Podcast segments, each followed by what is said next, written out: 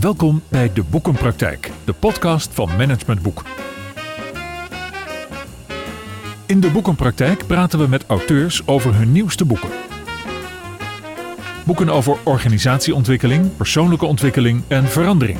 En altijd met een link naar de dagelijkse praktijk.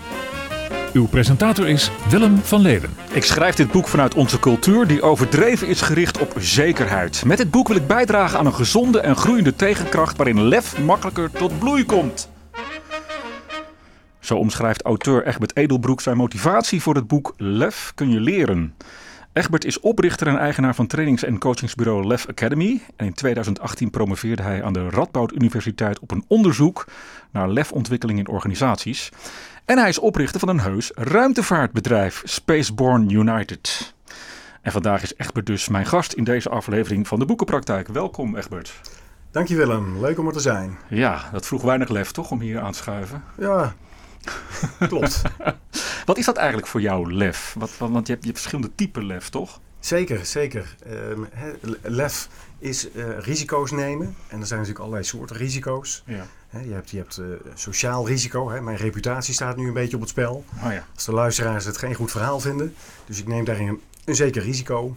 Ja. Dus er is lef nodig om dat risico te aanvaarden. Het gaat en, altijd over hoe anderen naar je kijken, zeker, of niet? Um, nou ja, goed, dat, dat stukje sociaal lef wel. Um, maar je hebt ook, ook uh, heel stil lef, wat anderen verder niet maken. Een beslissing nemen, hm. een bepaalde auto kopen of een huis of een laptop of, of, of wat dan ook. Ja. Dat, zien anderen, dat zien anderen niet, maar er is toch lef voor nodig. Ja. Want er staat iets op het spel, hè, Ja. iets zakelijks of zo. Ja, ik vind het wel mooi om dat even een beetje beter te framen. Want bij lef denken we misschien nog steeds heel erg aan uh, dat je gaat bungee jumpen, zeg maar. En dat je nou ja, de hoogste berg durft te beklimmen. Maar da da daar hebben we het niet uh, alleen maar over, toch? Daar hebben we het vooral niet... Uh, dat, dat, dat vergt zeker ook lef. Hè, maar dat is, dan staan er alleen maar fysieke dingen op het spel. Hè. Je gezondheid, je lijf, ja. je lijfsbehoud. Maar dat is maar een klein stukje. De meeste mensen vinden dat natuurlijk niet zo boeiend. Nee. Dus juist al die andere soorten lef, hè, zakelijk lef of sociaal lef met name... Daar, gaat het veel, daar gaat het mensen vooral om. Ja. En, en wat is jouw fascinatie met dat thema? Is het zo slecht gesteld met ons lef? Um, nou, ik denk dat het heel goed is dat er mensen zijn die, die wat meer lef hebben. Maar dat het ook heel goed is dat er mensen zijn die juist ja, wat voorzichtiger zijn. Ik denk dat die elkaar goed in balans houden. Ja. Maar over het algemeen, als je vraagt van... Goh, hoe is het met ons lef gesteld? Ja, ik denk zeker dat er uh, bij, bij de meeste mensen wel uh, een tandje bij kan. Hmm, omdat we te veel angst hebben toch in ons uh, hele systeem. Nou, als je kijkt naar de uitdagingen waar, waar je op individueel niveau voor gesteld staat, of als organisatie, of als land, of als wereld, ja. dan denk ik dat we heel veel kansen laten liggen die met wat extra lef uh, veel beter zouden kunnen Zoals veel beter wat, gepakt noem, noem eens wat dan? Um, nou, van de echte grote thema's zoals uh, klimaat, ja. uh, maar ook, ook ongelijkheid of, of inclusie of ja. Eigenlijk alle grote uitdagingen ja, die vragen om, om, om accepteren van, van zekere risico's en, en van, het, van het inzetten van, van lef. En dat, Ja. uh, dat zit, dat zit in, in, eigenlijk in alle mensen, Ja. maar niet iedereen haalt dat er evenveel uit. En jouw fascinatie met het thema lef? Want je bent zelfs met een ruimtevaartstation begonnen, dus dat vraagt ook wel enigszins wat lef, lijkt Ja. mij. Ja, ik, ik begon, uh, ik merkte dat ik een soort, soort, soort drang naar avontuur had. En ik ben die gaan, gaan, gaan zoeken. En ik dacht een tijdje van, goh, zit dat in de outdoorwereld? Ik heb een tijdje gedacht van, goh, ik, ik ga uh, met teams of managementteams Ja. echt outdoor grenzen verkennen en verleggen. Ja. Ik, ik miste een stukje, een stukje avontuur. Ik ben Mhm. dat gaan zoeken. En uiteindelijk merkte ik van, nou, dat zit hem niet in die outdoorwereld. De kern is eigenlijk grenzen verkennen en verleggen. En dat gaat eigenlijk over lef. Ja. En, en je kunt zo'n, uh, ja, je kunt een mooier leven hebben, een leuker leven. Met, met mooiere, spannendere doelen. Mhm. En als je lef daarbij uh, inzet en laat groeien, dan, dan kun je daar veel mooier uh, resultaten mee behalen. ja, want hoe, hoe scoor jij eh, jezelf? Zeg maar op een schaal van 1 tot 10 als het gaat om lef? Ja, ik denk, ik durf, hè, dat, ik durf inmiddels wel te zeggen dat het op een 8,5 zit. Oké, okay, want? Waar, waar het niet zo hoog scoorde, ik vind mijn sociale lef maar een beetje gemiddeld. Hè, een 7 of zoiets. Mm -hmm. uh, en mijn zakelijke lef bleef ook een beetje achter. Daar kreeg ik ook wel feedback op van, goh, echt Bert, goed, goed thema, lef. Practice what you preach. Goed dat je ook, hè, practice what you preach, ja. serieus neemt. En dat je met Lef Academy bezig bent. Maar goed, je bent ondernemer en jouw zakelijke lef, echt Bert, hmm, Mm. daar kan wel een tandje bij en misschien wel twee. Ja. En dat, dat vond ik ook, daar kon ik wel plaatsen. En daar was ik ook niet blij mee. Dus sindsdien ben ik ook wel eh, gaan kijken naar kansen om, om aan mijn eigenlijke, eigen zakelijke lef te werken. Ja. En dat was, nou ja, dat was toen misschien een zes. En sinds ik dat ruimtevaartbedrijf begonnen ben en alle avonturen die ik daarbij mee eh, mag maken en mocht maken, nou, durf, ik dat ik daar, durf ik wel te zeggen dat dat al wel op een 7,5 of een 8 zit. Ja, want even toch naar dat, eh, dat sociale lef is dat dan volgens mij, of psychologische lef. Dat heeft natuurlijk ook wel een beetje te maken met wat je nu zelf ook aangeeft. Die omgeving die steeds op jouw schouder zit te tikken van je zou eens iets meer dit of iets meer dat mogen. Maar ga je het dan niet doen omdat een ander vindt dat jij meer eh, lef moet tonen? Ik bedoel, ja, waarom zou je moeten voldoen aan wat een ander van je wil? Nou, ik, ik heb ambities, ik heb, ik, heb, ik heb waarden, ik heb dromen. En om die te bereiken, uh, ik ben ondernemer, altijd geweest. Ja. Dus dat is wel de vorm waarin ik uh, mijn, mijn dromen en mijn doelen najaag voor een groot deel. En ik realiseerde me toevallig doordat ik die feedback kreeg. Die, die feedback nam ik serieus en daardoor realiseerde ik me, nou, ik kan mijn doelen en dromen op dat gebied beter waarmaken als ik daar mijn lef nog verder in ontwikkel. Ja. En als ik nou tegen jou zou zeggen. Eigen keus. Als ik nou tegen jou zou zeggen van goh, ruimtevaartbedrijf, Egbert, het mag wel ietsje minder met je lef. Zou je dat dan ook serieus nemen? Uh, nou, daar, daar, daar, ben ik het van harte mee eens. ik ben zo vaak en zo ver buiten mijn comfortzone geweest. Ja? Dat ik het gevoel had dat ik daar woonde. Ja. En dat ik toch wel af en toe heel erg verlang, terug verlangde naar die comfortzone. Dus dat, vertel daar eens iets over natuurlijk. Hè? Want we hebben nou een aantal keer aangetipt. Ja. Spaceborne United heet het. Ja. Je bent een ruimtevaartbedrijf begonnen. Hoe, hoe zit dat precies? Ja, nou de aanleiding had zeker wel iets te maken met, met mijn, mijn uh, zoektocht naar... oké, hoe kan ik mijn zakelijke lef verder ontwikkelen? Ja. Dus ik, ik, ik was alert op kansen die op mijn pad kwamen. En nou ben ik donor bij een IVF-kliniek. Mm -hmm. Zaaddonor. Mm -hmm. En vanuit die rol leerde ik best wel wat over IVF-techniek. Ja. En mijn passie voor, voor ruimtevaart. Um, daar is een combinatie ontstaan waarbij ik me af begon te vragen... zou die IVF-apparatuur ook in de ruimte kunnen werken? Ja, Want als dat zo is, dan is dat voor de mensheid wel erg uh, zinvol... omdat we uiteindelijk ook op Mars willen gaan wonen. Ja. En daar moeten we ons ook leren voorplanten. En dat wordt nog niet zo goed opgepakt door de grote agencies... En toen dacht ik van nou, dan ga ik daar eens induiken. En dat is, uh, ja. dat is nogal uit de hand gelopen, zeg maar. Ja, met als resultaat een, een ruimtevaartbedrijf. En je hebt ook het boek gelanceerd. Of ga je nog lanceren via dat bedrijf? Of... Ja, het boek uh, gaat nog de ruimte in, dit jaar nog. Ja. Uh, ja, de, de uitgeverij vroeg van Egbert, wat ging jij ook alweer meehelpen aan de, aan de boeklancering? En toen dacht ik, nou, Lancering, leuk ook. misschien kan ik een letterlijke boeklancering regelen. Ja. En dat bleek te kunnen. Ja. Ja. Laten we even naar het boek gaan, want je beschrijft een speciale methode om lef te ontwikkelen. Daar komen we uitgebreid denk ik nog over te spreken. Dat heet de Courage-methode. Courage staat natuurlijk voor lef en moed. Overigens zit wel verschil tussen moed en lef volgens mij. Hè? Zeker, ook. zeker. Wat is het verschil? Want die woorden worden vaak door elkaar gebruikt. Ja, uh, moed is eigenlijk een, uh, een grotere verzameling van, van uh, eigenschappen. En, en het heeft één, één extra voorwaarde als je het vergelijkt met lef. Bij moed is het doel wat je, wat je nastreeft een nobel doel. Dus daar Mhm. help je anderen mee. Ja. En dat, dat hoeft niet bij, bij, bij lef zo te zijn. Oh. Dus een bank overvallen kan lef zijn, Mhm.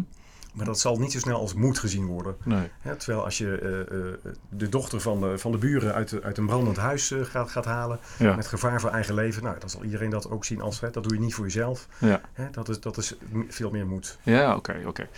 Klinkt ook alsof lef wat egoïstischer is, maar zo bedoel je het vast niet. Even naar die courage-methode. Dat begint dus, dat heeft zeven stappen in zich. en het begint met een aansprekend doel. En volgens mij beschrijf je ook dat het daar vaak om misgaat. Dat we niet in staat zijn of onvoldoende in staat zijn om, om onszelf een aansprekend doel te formuleren. Klopt dat? Dat klopt. Hè? Hoe komt De- dat dan? Het begint bij de, bij de ambitie, bij het doel dat je stelt. En de meeste mensen hebben nog, nog allerlei huiswerk op het vlak van belemmerende overtuigingen op allerlei vlakken en andere vormen van zelfbedrog. Dus die vertalen zich ook in, in eh, de manier waarop ze hun doelen stellen. Hè? Die, Ja. die, die zijn nog eh, vaak best wel dicht bij de comfortzone, of zelfs in de comfortzone. Ja. Oké, dus ehm, je noemt al een aantal dingen, zelfbedrog, belemmerende overtuigingen. Dus er zit heel veel in ons koppie, in ons brein. Je, je, handelt het brein ook uitgebreid trouwens. Wat maakt dat we eigenlijk niet echt zo'n zo'n uit out of the box eh, doel kunnen formuleren? Is dat wat je zegt? Eh, dat is eh, een belangrijk deel wat ik zeg. We, we, we hebben, we, hebben, we kennen een aantal belemmeringen, een aantal ja, bias in ons brein. En, en vanuit de evolutie hebben we eigenlijk een, een oeroud een oeroud lichaam, wat, wat maar Mhm. heel eh, echt beetje voor beetje mee evolueert. Ja. Dat heeft absoluut het tempo van de, van de samenleving nooit kunnen bijhouden. Mhm. dat, dat gat wordt alleen maar groter. Ja. Dus, dus allerlei angsten die hebben nog een oorsprong in de, in, de, in de oertijd. En die zijn, die zijn nauwelijks veranderd. Terwijl Ja. die, die angsten inmiddels niet meer reëel zijn en niet meer terecht zijn. ja. En daardoor laten we ons tegenhouden. Oké, en ik kan me voorstellen, komen we zo nog wel even op hoor, dat zo'n zo'n zo'n zo'n brein managen, dat is best wat lastiger, die overtuigingen veranderen. Ja. Dus laten we maar even beginnen dan met dat aansprekende doel. Eh, wat kan ik dan toch doen om mezelf een aansprekend doel te geven? Wat, wat is een tip daarin? Nou, een, een, een, een simpele tip, maar die eh, ook vaak een effectieve tip, is eh, dat je een, een, een doel kunt opknippen in tussendoelen. Ja, het, is, het is te simpel voor woorden, maar het, het blijkt eh, nogal effectief te zijn Ja. In, in het, het verder weg, eh, verder buiten je comfortzone Ja, kiezen van je doel. ja, Ehm, en eh, mensen denken al snel van ja, maar dat is, dat is in mijn panic zone, dat is zo ver weg van, mijn- van mijn comfortzone. Heb je een voorbeeld? Hoe, eh, stel ik... eh, Eh, nou ja, vraag mij tien jaar geleden van Egbert, ehm, zou je een ruimtevaartbedrijf gaan, gaan beginnen? mhm, Niet dat we daar de hele tijd over moeten hebben, maar als voorbeeld nog één keer. mhm. Eh, dan denk ik van, nou ja, dat, dat kan ik me niet eens voorstellen. Dat, Nee. dat gaat hem niet worden, ga ik niet doen. Gaat over tien jaar ook niet gebeuren, gaat nooit gebeuren. Ja. Terwijl als je dat eh, doel wel uitprobeert, als, als denkoefening... en je gaat het opknippen in tussenstappen... Ja. Van nou, hè, het eerste doel is, je gaat contact leggen met een ander ruimtevaartbedrijf... en je gaat dus experts benaderen en eens in gesprek. Nou, dat kan al heel spannend zijn. ja, en die wijzen gelijk op hun voorhoofd te zeggen, jij bent gek, toch? Sommigen wel.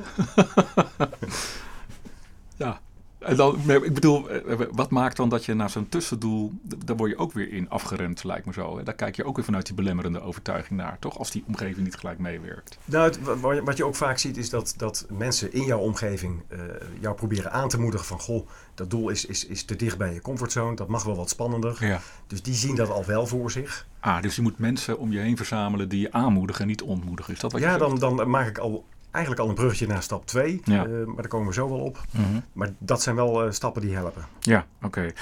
Je had het al over de neurologie even, over het brein. Eh, als je een groter doel stelt, dan dwing je je brein om andere denkroutes te nemen. Mhm. Dat, is ook in, dat zijn ook inzichten die uit de innovatiehoek komen, die ook beproefd zijn.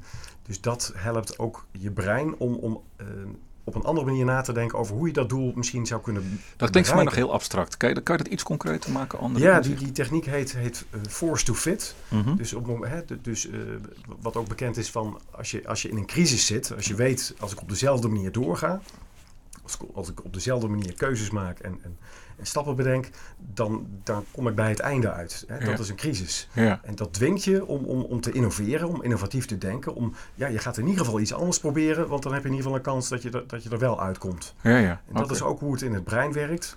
Ja. Als jij eh, jezelf dwingt om zo'n groot doel te stellen, wat je je normaal gesproken niet zou stellen, wat je je niet kan voorstellen, dan wordt je brein ook getriggerd en gedwongen om op andere manieren na te denken over hoe je dat doel zou kunnen bereiken. En door dat te doen, ervaren heel veel mensen van, wauw, ik zie ineens mogelijkheden die ik eerder niet zag. Je Puur omdat je zo'n zo'n heftig doel stelt. Zullen we even naar de stellingen gaan? Ja, hartstikke leuk.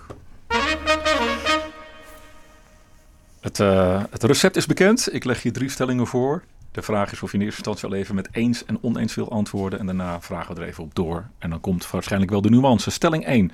De meest fundamentele angst bij onze mensen is angst voor afwijzing. Die zit zo ingebakken in onze conditionering dat je deze onmogelijk kunt veranderen met een stappenplan of traininglef. Oneens. Dat verwacht ik al. Stap 2. Ook ons overlevingsmechanisme is zo gericht op het ontwijken van oncomfortabele en dus spannende situaties. Dat kun je niet veranderen bij mensen. Oneens. Kijk, hier zit toch de veranderaar in spe. En stelling 3. En dan verzorgt ons ego nog dagelijks zoveel stories in ons hoofd dat je als persoon echt super reflectief moet zijn om dit steeds weer effectief te kunnen managen in je hoofd naar meer lef. En dan moet ik nog kiezen ook. Dan maak ik er toch oneens van. Nou, vertel. Laten we even naar die eerste stelling gaan. Eh, want die stelling be- beweert eigenlijk dat we zo eh, bevreesd zijn voor die afwijzing. Dat zit zo in ons systeem. En daar worden we ook al mee, mee opgevoed eh, van, van jongs af aan. Hoe verander je die angst voor afwijzing eigenlijk? Ehm, de angst voor afwijzing veranderen. Ik ben het helemaal met je eens dat dat een hele sterke, ja, je zou kunnen zeggen, een, een oerkracht is. Dat zit heel diep geworteld in ons.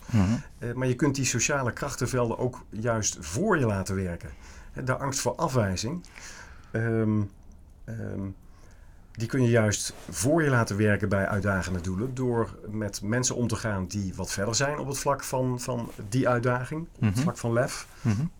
En door een doel te stellen en dat ook met dat soort mensen te delen. Ja. Zodat je jezelf eigenlijk dwingt van nou, als ik dit doel niet ga waarmaken, Mhm. eh, dan, dan word ik afgewezen. Dus Ja. juist die, die, die kracht van afwijzing benutten om jouw doel dichterbij te brengen. Ik wil hem toch even naar de praktijk brengen. Ik Ja. werk veel ook in organisaties als organisatieadviseur. En het gaat vaak over dat we eh, missen dat we elkaar aanspreken. Dus de feedbackcultuur Ja. is er niet, wordt er dan gezegd. Ja. Nou, en dan kom je op feedbacktrainingen. En dan kom je ook op de verdieping dat er vaak een stukje angst onder zit om elkaar aan te spreken. Want ik wil niet afgewezen, CQ aardig gevonden worden.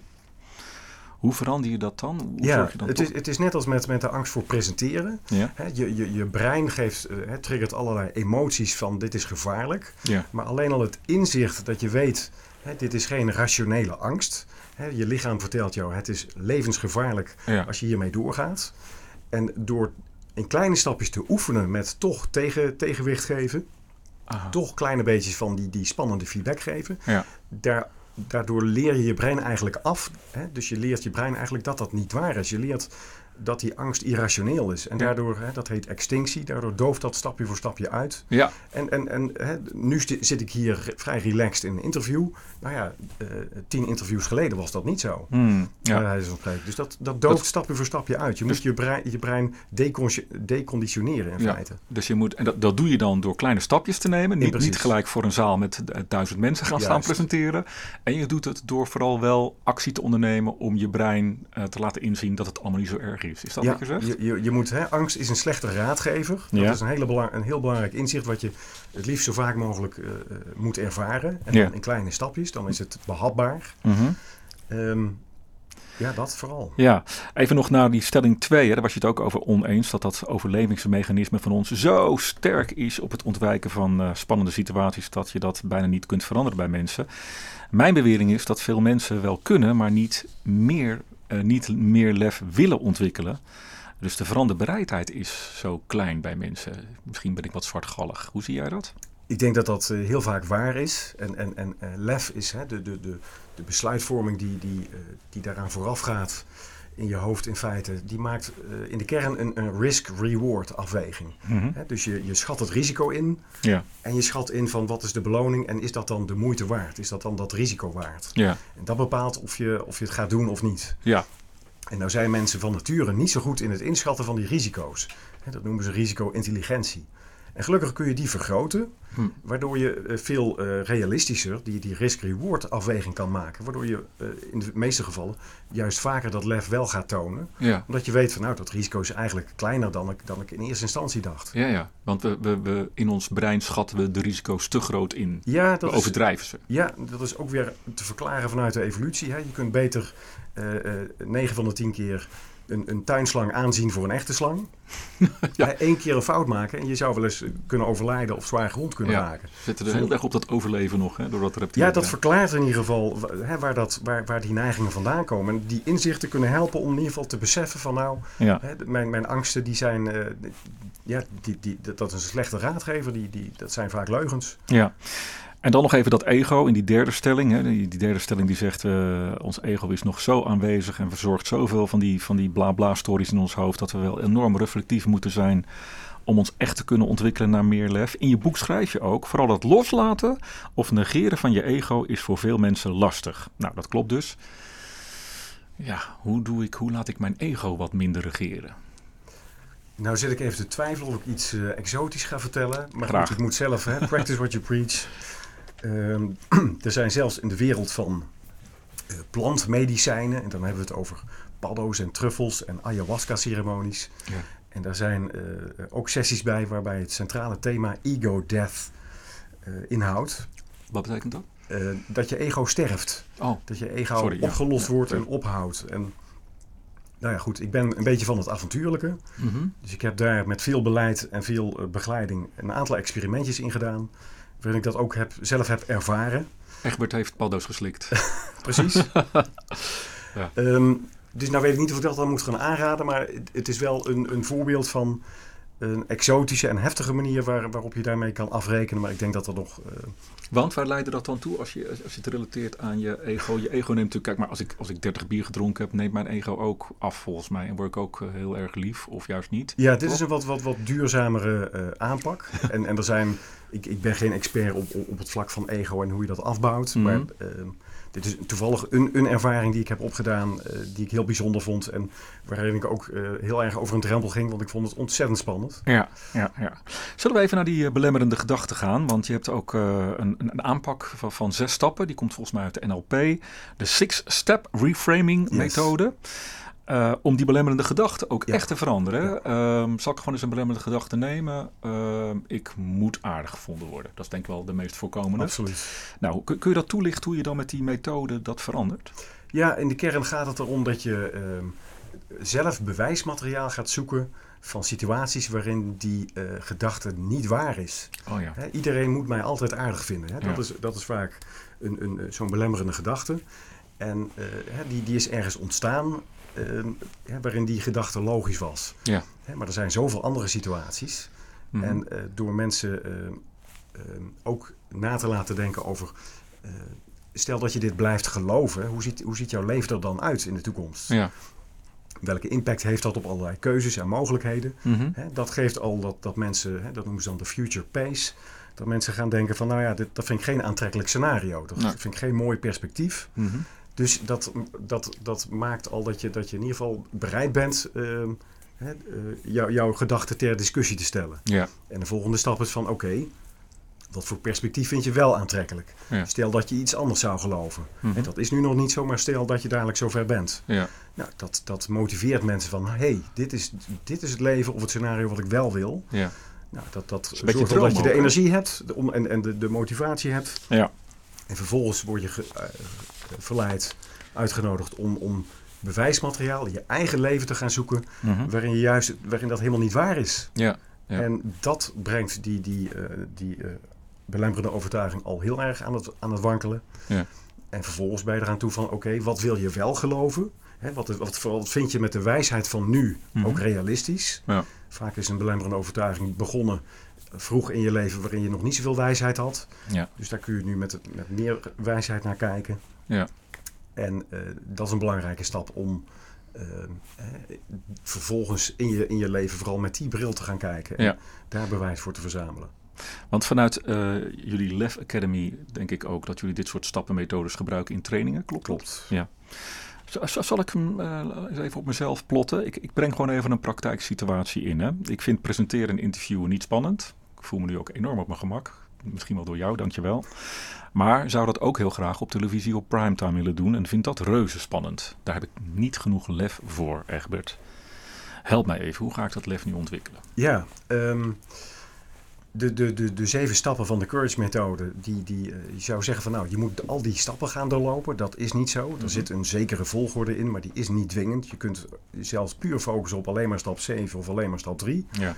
Uh, dus je, je, je kunt die stappen eens gaan scannen van goh, wel, welke uh, passen bij mijn uitdaging. Maar het is natuurlijk stap 1 van hè, waar, waar, waar, zit, waar, zitten, waar zitten de obstakels? Ja, de obsta het belangrijkste dus obstakel... Welk risico, hè, wat is in jouw perceptie? Ja, het gaat het niet om mij, maar om toch even te helpen. Het belangrijkste obstakel is dat er bij de televisie allemaal grote meneren en mevrouwen zitten. En daar ben ik een beetje bang voor dat ze mij aanzien komen en zeggen, wie, wie, bent u? Dat u denkt dit te kunnen doen. Ja, je dus ik ben dat... bang voor de mening van anderen, denk ja, ik. Of zo. Ja, ja. ja. Ik vind mezelf te, te, te onbelangrijk. Ja. Wat zit hem dan vooral toch in die belemmerende overtuigingen of niet?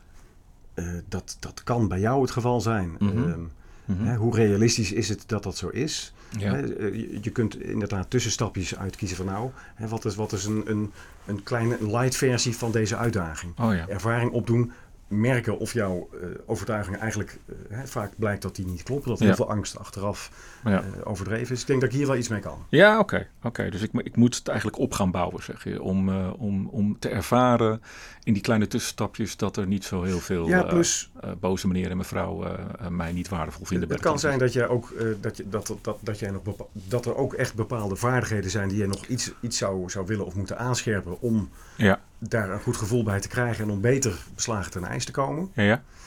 Ehm, en die kun je ook opdoen in die tussenstapjes, in de Ja. light versie. En, en nou, vervolgens heb jij je zelfvertrouwen uitgebreid, je comfortzone is gegroeid Ja. naar een klein stapje dichterbij. En vervolgens zoek je dan weer net even Ja. een uitdaging, net daar buiten je nieuwe comfortzone. En dan ga ik naar het volgende stapje en dan eh, eh, krijg ik toch te maken af en toe in die route met afwijzingen en tegenvallers. Want dat is de werkelijkheid, de grillige werkelijkheid. En daar, dat vraagt dus veerkracht, dat behandel je ook in je boek. Ja. En dan heb je het ook over copingstijl. Kun je dat uitleggen? Wat, wat, wat, wat, wat biedt mij dat? Ja, hè, mensen reageren op verschillende manieren met, met, eh, op, op tegenslagen. En dat, Mhm. dat bepaalt hoeveel veerkracht je hebt. Dus als je een tegenvaller hebt, hoe snel eh, krabbel je weer op en ben je weer toe aan, aan eh, weer, weer doorgaan naar je doel.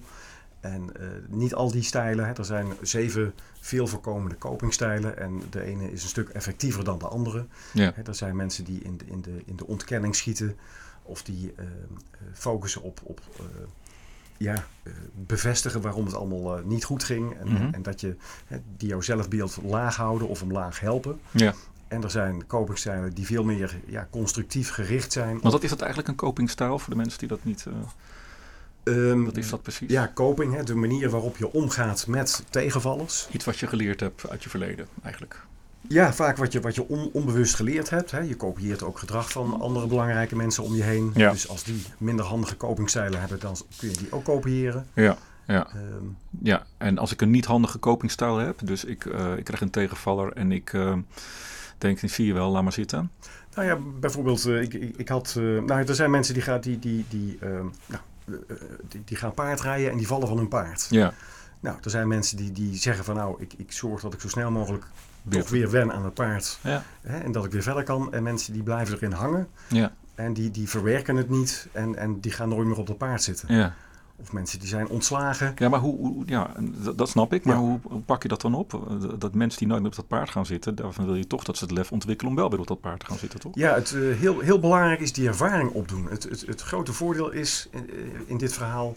Mensen schatten van nature hun veerkracht fors lager in dan dat die in werkelijkheid is. Mm, ja. Dat maakt ook dat ze, dat ze eh, eh, bescheidenere doelen kiezen. Want ze denken, ja, als ik dit doel kies, dat is zo uitdagend. Als dat misgaat, daar kom ik nooit meer overheen. Ja. Die aanname, die klopt heel vaak niet. Een, ik moet ook een beetje aan de coronapandemie terugdenken. Misschien mogen we dat nu niet meer gebruiken, die periode. Maar toch, hè, daar, daar heb ik ook Nog heel veel, dan. daar heb ik ook heel veel mensen eh, in mijn beleving gezien die ontzettend veel angst hadden voor iets waarvan ik dacht, ja, hoe dichtbij is het nou eigenlijk en hoe erg is het nou eigenlijk? Die liepen, die, die liepen of fietsten ook nog met allerlei mondkapjes op buiten. Dat ik denk, ja. Maar is, is dat dan, is dat dan zo'n zo'n copingstijl, zeg maar, dat je je, je veerkracht en je, je angst te groot, eh, je, je angst, je veerkracht te laag en je angst te groot inschat? Ehm, ja, vind ik wel. Mhm. Ehm, je veerkracht zal nooit groeien als je niet stapjes buiten je comfortzone opdoet en af en toe op je bek gaat. Ja, Maar dat is voor ons ook wel, hè, voor Lev Academy, eh, ontzettend lastig om, zijn we nog mee aan het stoeien van hoe zorgen we nou dat mensen op hun bek gaan? ja, Hoe, Ja. hoe eh, verleiden we ze daartoe? En dat, ja, dat, dat eh, is ingewikkeld. Maar het feit dat mensen hè, uit, eh, van nature eh, eh, hebben mensen tegenvallers. En er groeit de veerkracht. En ontdekken mensen dat ze veel veerkrachtiger zijn dan ze dachten. ja. Eh, maar ja, wij willen eh, mensen die, die van nature juist eh, weinig van die ervaringen opdoen. Omdat ze een kleine comfortzone hebben. ja. Die willen wij natuurlijk verleiden om, om hun veerkracht te gaan ontdekken door ervaringen. En dat, ja. als mensen tips hebben, we horen ze graag. Ja, nou ja, ik heb met jouw eh, eh, collega, de heer Beumer, een aantal trainingen gedaan op het gebied van lef. En wat wij wel eens deden was wat we dan noemden spanningsoefeningen. Dus dan daagden we mensen uit om juist gewoon toch iets te gaan doen en mee te gaan experimenteren. Wat ze heel spannend vonden. En dan te kijken hoe die spanningsboog ook toe en later afneemt. Hè? Want je kunt niet, dat is ook die ex, ex-? Extinctie, uitdoving. Ja, dat je, dat, je kunt niet, als je bang bent voor spinnen, kun je niet in een kamer met, met, met duizend spinnen een, eh, een uur lang angstig blijven. Die angst neemt toch af. Klopt, maar dat is toch iets anders. Dat is een, ontzettend nuttig en daar passen wij ook eh, regelmatig toe. Ja, Het is heel belangrijk om die angsten daardoor hanteerbaar te maken. Dus die angst is, onder, die, die is onnodig hoog en die ga je daardoor omlaag brengen. Maar dan weet je nog steeds niet of je, hè, als je je doel behaalt, dan, dan heb je nog steeds die tegenvaller niet. nee, Het nee. gaat juist omdat mensen ook af en toe een tegenvaller hebben. Ja, dat Ja. je op je bek gaat, op plat gezegd. en dan weer opstaan. En dat je merkt dat dat toch wel meevalt. Dat het niet zo erg is als je dacht. Tips voor veerkracht, die kunnen naar eh, de Lef Academy. Graag. Zullen we, da- dat is eigenlijk al eh, een brugje naar organisaties. Eh, we hebben het nu de hele tijd over individuen gehad, maar veel organisaties vinden natuurlijk de ontwikkeling van Lef ook belangrijk. hè. Je, eh, organisaties moeten snel vernieuwen. Ehm, eh, globalisering, digitalisering, dat zorgt ervoor dat producten eh, qua levensduur ehm, afnemen. Ehm, dus dat vraagt wendbaarheid. Agile, Absoluut, hè, absoluut. wordt ook wel genoemd. Ja, hoe moeten die organisaties de ontwikkeling van LEF eigenlijk oppakken? Ja, de, de, het- de- het klopt helemaal. Ik, ik had er even de neiging om, om nog veel meer redenen voor organisaties op te noemen, maar dat gaan we niet doen. Mm. Nou, het, het begint bij eh, eh, zorgen dat, eh, dat, dat je medewerkers de gelegenheid geeft Ja. om aan hun werk, aan hun lef te werken. Je kunt ook, ook testen. Je kunt ook eh eh, lef-scans doen Mhm. om erachter te komen welke mensen, eh, hoe het zit met hun lef. Ja. En hè, zoals bij ons werkt, als de opdrachtgevers langskomen, die, die, eh, die, hebben, eh, die beginnen met een behoefte van, goh, eh, wij zien zowel als organisatie redenen voor meer lef, maar ook onze medewerkers, die voelen dat, die ervaren dat. Ja. Dus wij willen eh, aan, aan individuele lef eh, lefontwikkeling werken. Ja. En vervolgens wil de organisatie ook dat lef eh, kunnen, kunnen benutten, kunnen borgen, Mhm. kunnen, kunnen blijven stimuleren. Hoe borg je dat? Als je het mensen het geleerd hebt in trainingen, hoe borg je dan dat het- dat, dat lef ook zeg maar, zijn plek in de praktijk krijgt? Ja, het, het, een stukje wil je, wil je het borgen in de cultuur. Dus je wil het, je wil het ook zichtbaar maken. Je wil Mhm. het hè, voorbeeldgedrag door, door, door de leiding. Je wil het ook hè, belonen.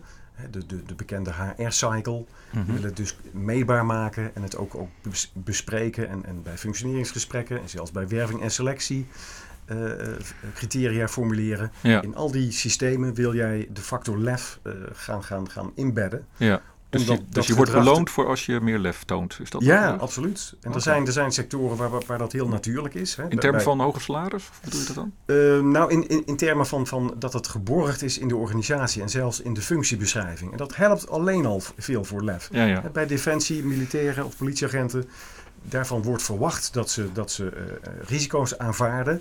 Dat ze risico's Nee, dat snap ik. Maar bijvoorbeeld een, een, een ambtenarenorganisatie als een ministerie wordt ook geroepen van nou, eh, eh, mensen moeten wendbaarder worden. En dan Ja. eh, zijn die mensen getraind op wendbaarheid. En dan komen ze terug in een omgeving waarin ze vooral met allerlei regels en procedures te maken hebben. Vinkjes in plaats van vonkjes. Ja, hoe, ja, ja. Hoe, hoe verander je dat dan? Nou ja, re- regels, de, hè, dat gaat ook om, om de interpretatie. En, en daar, daar, hè, die, die zijn enigszins rekbaar. En, en die rek opzoeken en die regels en die kaders juist ter discussie stellen. Ja. Dat kan in woorden, dat kan in woorden en in daden, Ja. et cetera. Dus daar liggen, daar liggen belangrijke kansen om te innoveren. En dat, dat, dat vraagt, dat vraagt hè, innovatief lef, eh, noemen wij dat dan. Heb je een voorbeeld van een organisatie waarin dat bijvoorbeeld goed gelukt is om, om meer lef te ontwikkelen en te borgen? Eh, ja, ik zou willen zeggen eh, eh, SpaceX van, van Elon Musk. Ja, dat is wel heel ver weg natuurlijk. Ja. Ehm, Maar ook in Nederland? Ja, een, een, een bedrijf in de sierteelt. de, eh, Optiflor. Ja. Daar, En best practice. daar hadden ze te maken met, met een enorme uitdaging. Mhm. Een enorme uitval van de vraag van, van ruim 90 procent. Ja. Eh, dus de forse vraaguitval, eh, vooral eh, door, door corona. En, en ze zagen als, als kans, als oplossing om niet meer de, de massaproductie te gaan, te gaan aanbieden, maar maatwerk. En Hmm. als je tienduizenden plantjes per, per week normaal produceert op, op, op een bepaalde manier, nou, dat is een, een logistiek systeem wat je dan moet, moet gaan omgooien. Dat is een enorme operatie. Ja. Dus hartstikke riskant. Je weet niet zeker of dat lukt. En even nu naar het lef, want dat vraagt ook een cultuuromslag volgens Ja, mij. hè? Wat hebben ze gedaan om mensen meer wendbaar te maken daarin? Er zijn innovatiegroepen eh, eh, ingesteld waarin, waarin eh, nieuwe product-marktcombinaties werden uitgeprobeerd. Tot en met workshops waarin mensen zelf met de planten aan de gang konden. En, en daar sets en kits voor, voor aan te bieden. Eh, veel meer op maat. Eh, en er werden eh, groepen met rondom die product-marktcombinaties gecreëerd. En wat heel belangrijk was, was dat de leiding ruimte voor fouten Oh, Ja. bood. oké. Dus, hè, en daar zelf ook het goede voorbeeld in gaf. Door, Ja, ja. door serieuze risico's te nemen. En vooral ook eerlijk te laten zien als dat een keer fout gaat. En dat dat dus mag gebeuren. Hmm. Dat je daarmee wegkomt. Ja, Hè, mooi. Dat, dus dat je echt mag is. experimenteren met ander Ja, gedrag en dat het niet gelijk goed hoeft te gaan. Ja. Ja, mooi, mooi. Tot slot, je persoonlijke missie is natuurlijk ook belangrijk om eh, gemotiveerd te werken aan je lefontwikkeling. Hè? Ehm, je, je uitdagende doel moet je vooral koppelen aan je persoonlijke missie. Dat is een van de tips in het boek. Wat is jouw persoonlijke missie en wanneer eh, is die nu geslaagd zodat je zelf definitief de ruimte in kan? Eh, ja, ik kan, ik kan er twee antwoorden op geven. Als het gaat om, om, om, om lef, dan is het mijn missie dat, er, uh, dat, dat Nederland qua rapportcijfer LEF met, met uh, anderhalf punt gestegen is. Dus als Nederland gemiddeld op een 6 zit, dan moet dat naar een 7,5. Daarna gaan we natuurlijk de grens Waar denk je dat we nu op zitten? Ik denk dat we nu op een 6 zitten. Ja, oké. Okay. Dus we gaan naar een 7,5. En we gaan naar een 7,5 en dan vind ik dat ik uh, op dat punt geslaagd ben. Ja. En als het gaat over de ruimtevaart, is als we het eerste kind geboren kunnen laten worden in de ruimte. Dat is ook de naam Spaceborne ja. United. Dankjewel, dankjewel Egbert. En wat je hebt duidelijk gemaakt in dit gesprek en vooral natuurlijk met je boek, is dat lef te leren valt. Dus als er organisaties of mensen zijn die zeggen, nou ik heb hier nog wel iets in te doen, dan uh, raad ik je in ieder geval sowieso aan om het uh, op het boek te lezen nadat je natuurlijk deze podcast hebt beluisterd. Ik verwijs jou als luisteraar van deze podcast heel graag naar de volgende aflevering van de Boekenpraktijk. Over twee weken staat hij weer op alle grote podcastkanalen. Ook daarin spreken we natuurlijk weer met een, of we, ik spreek dan weer met een auteur over zijn of haar opmerkelijk recent verschenen managementboek. En zal ik proberen de strekking van het boek te plotten op een actuele situatie uit de praktijk. Rest mij je hartelijk te danken voor het beluisteren van deze podcast. Heb je vragen, opmerkingen of suggesties? Mail het dan SVP naar info.managementboek.nl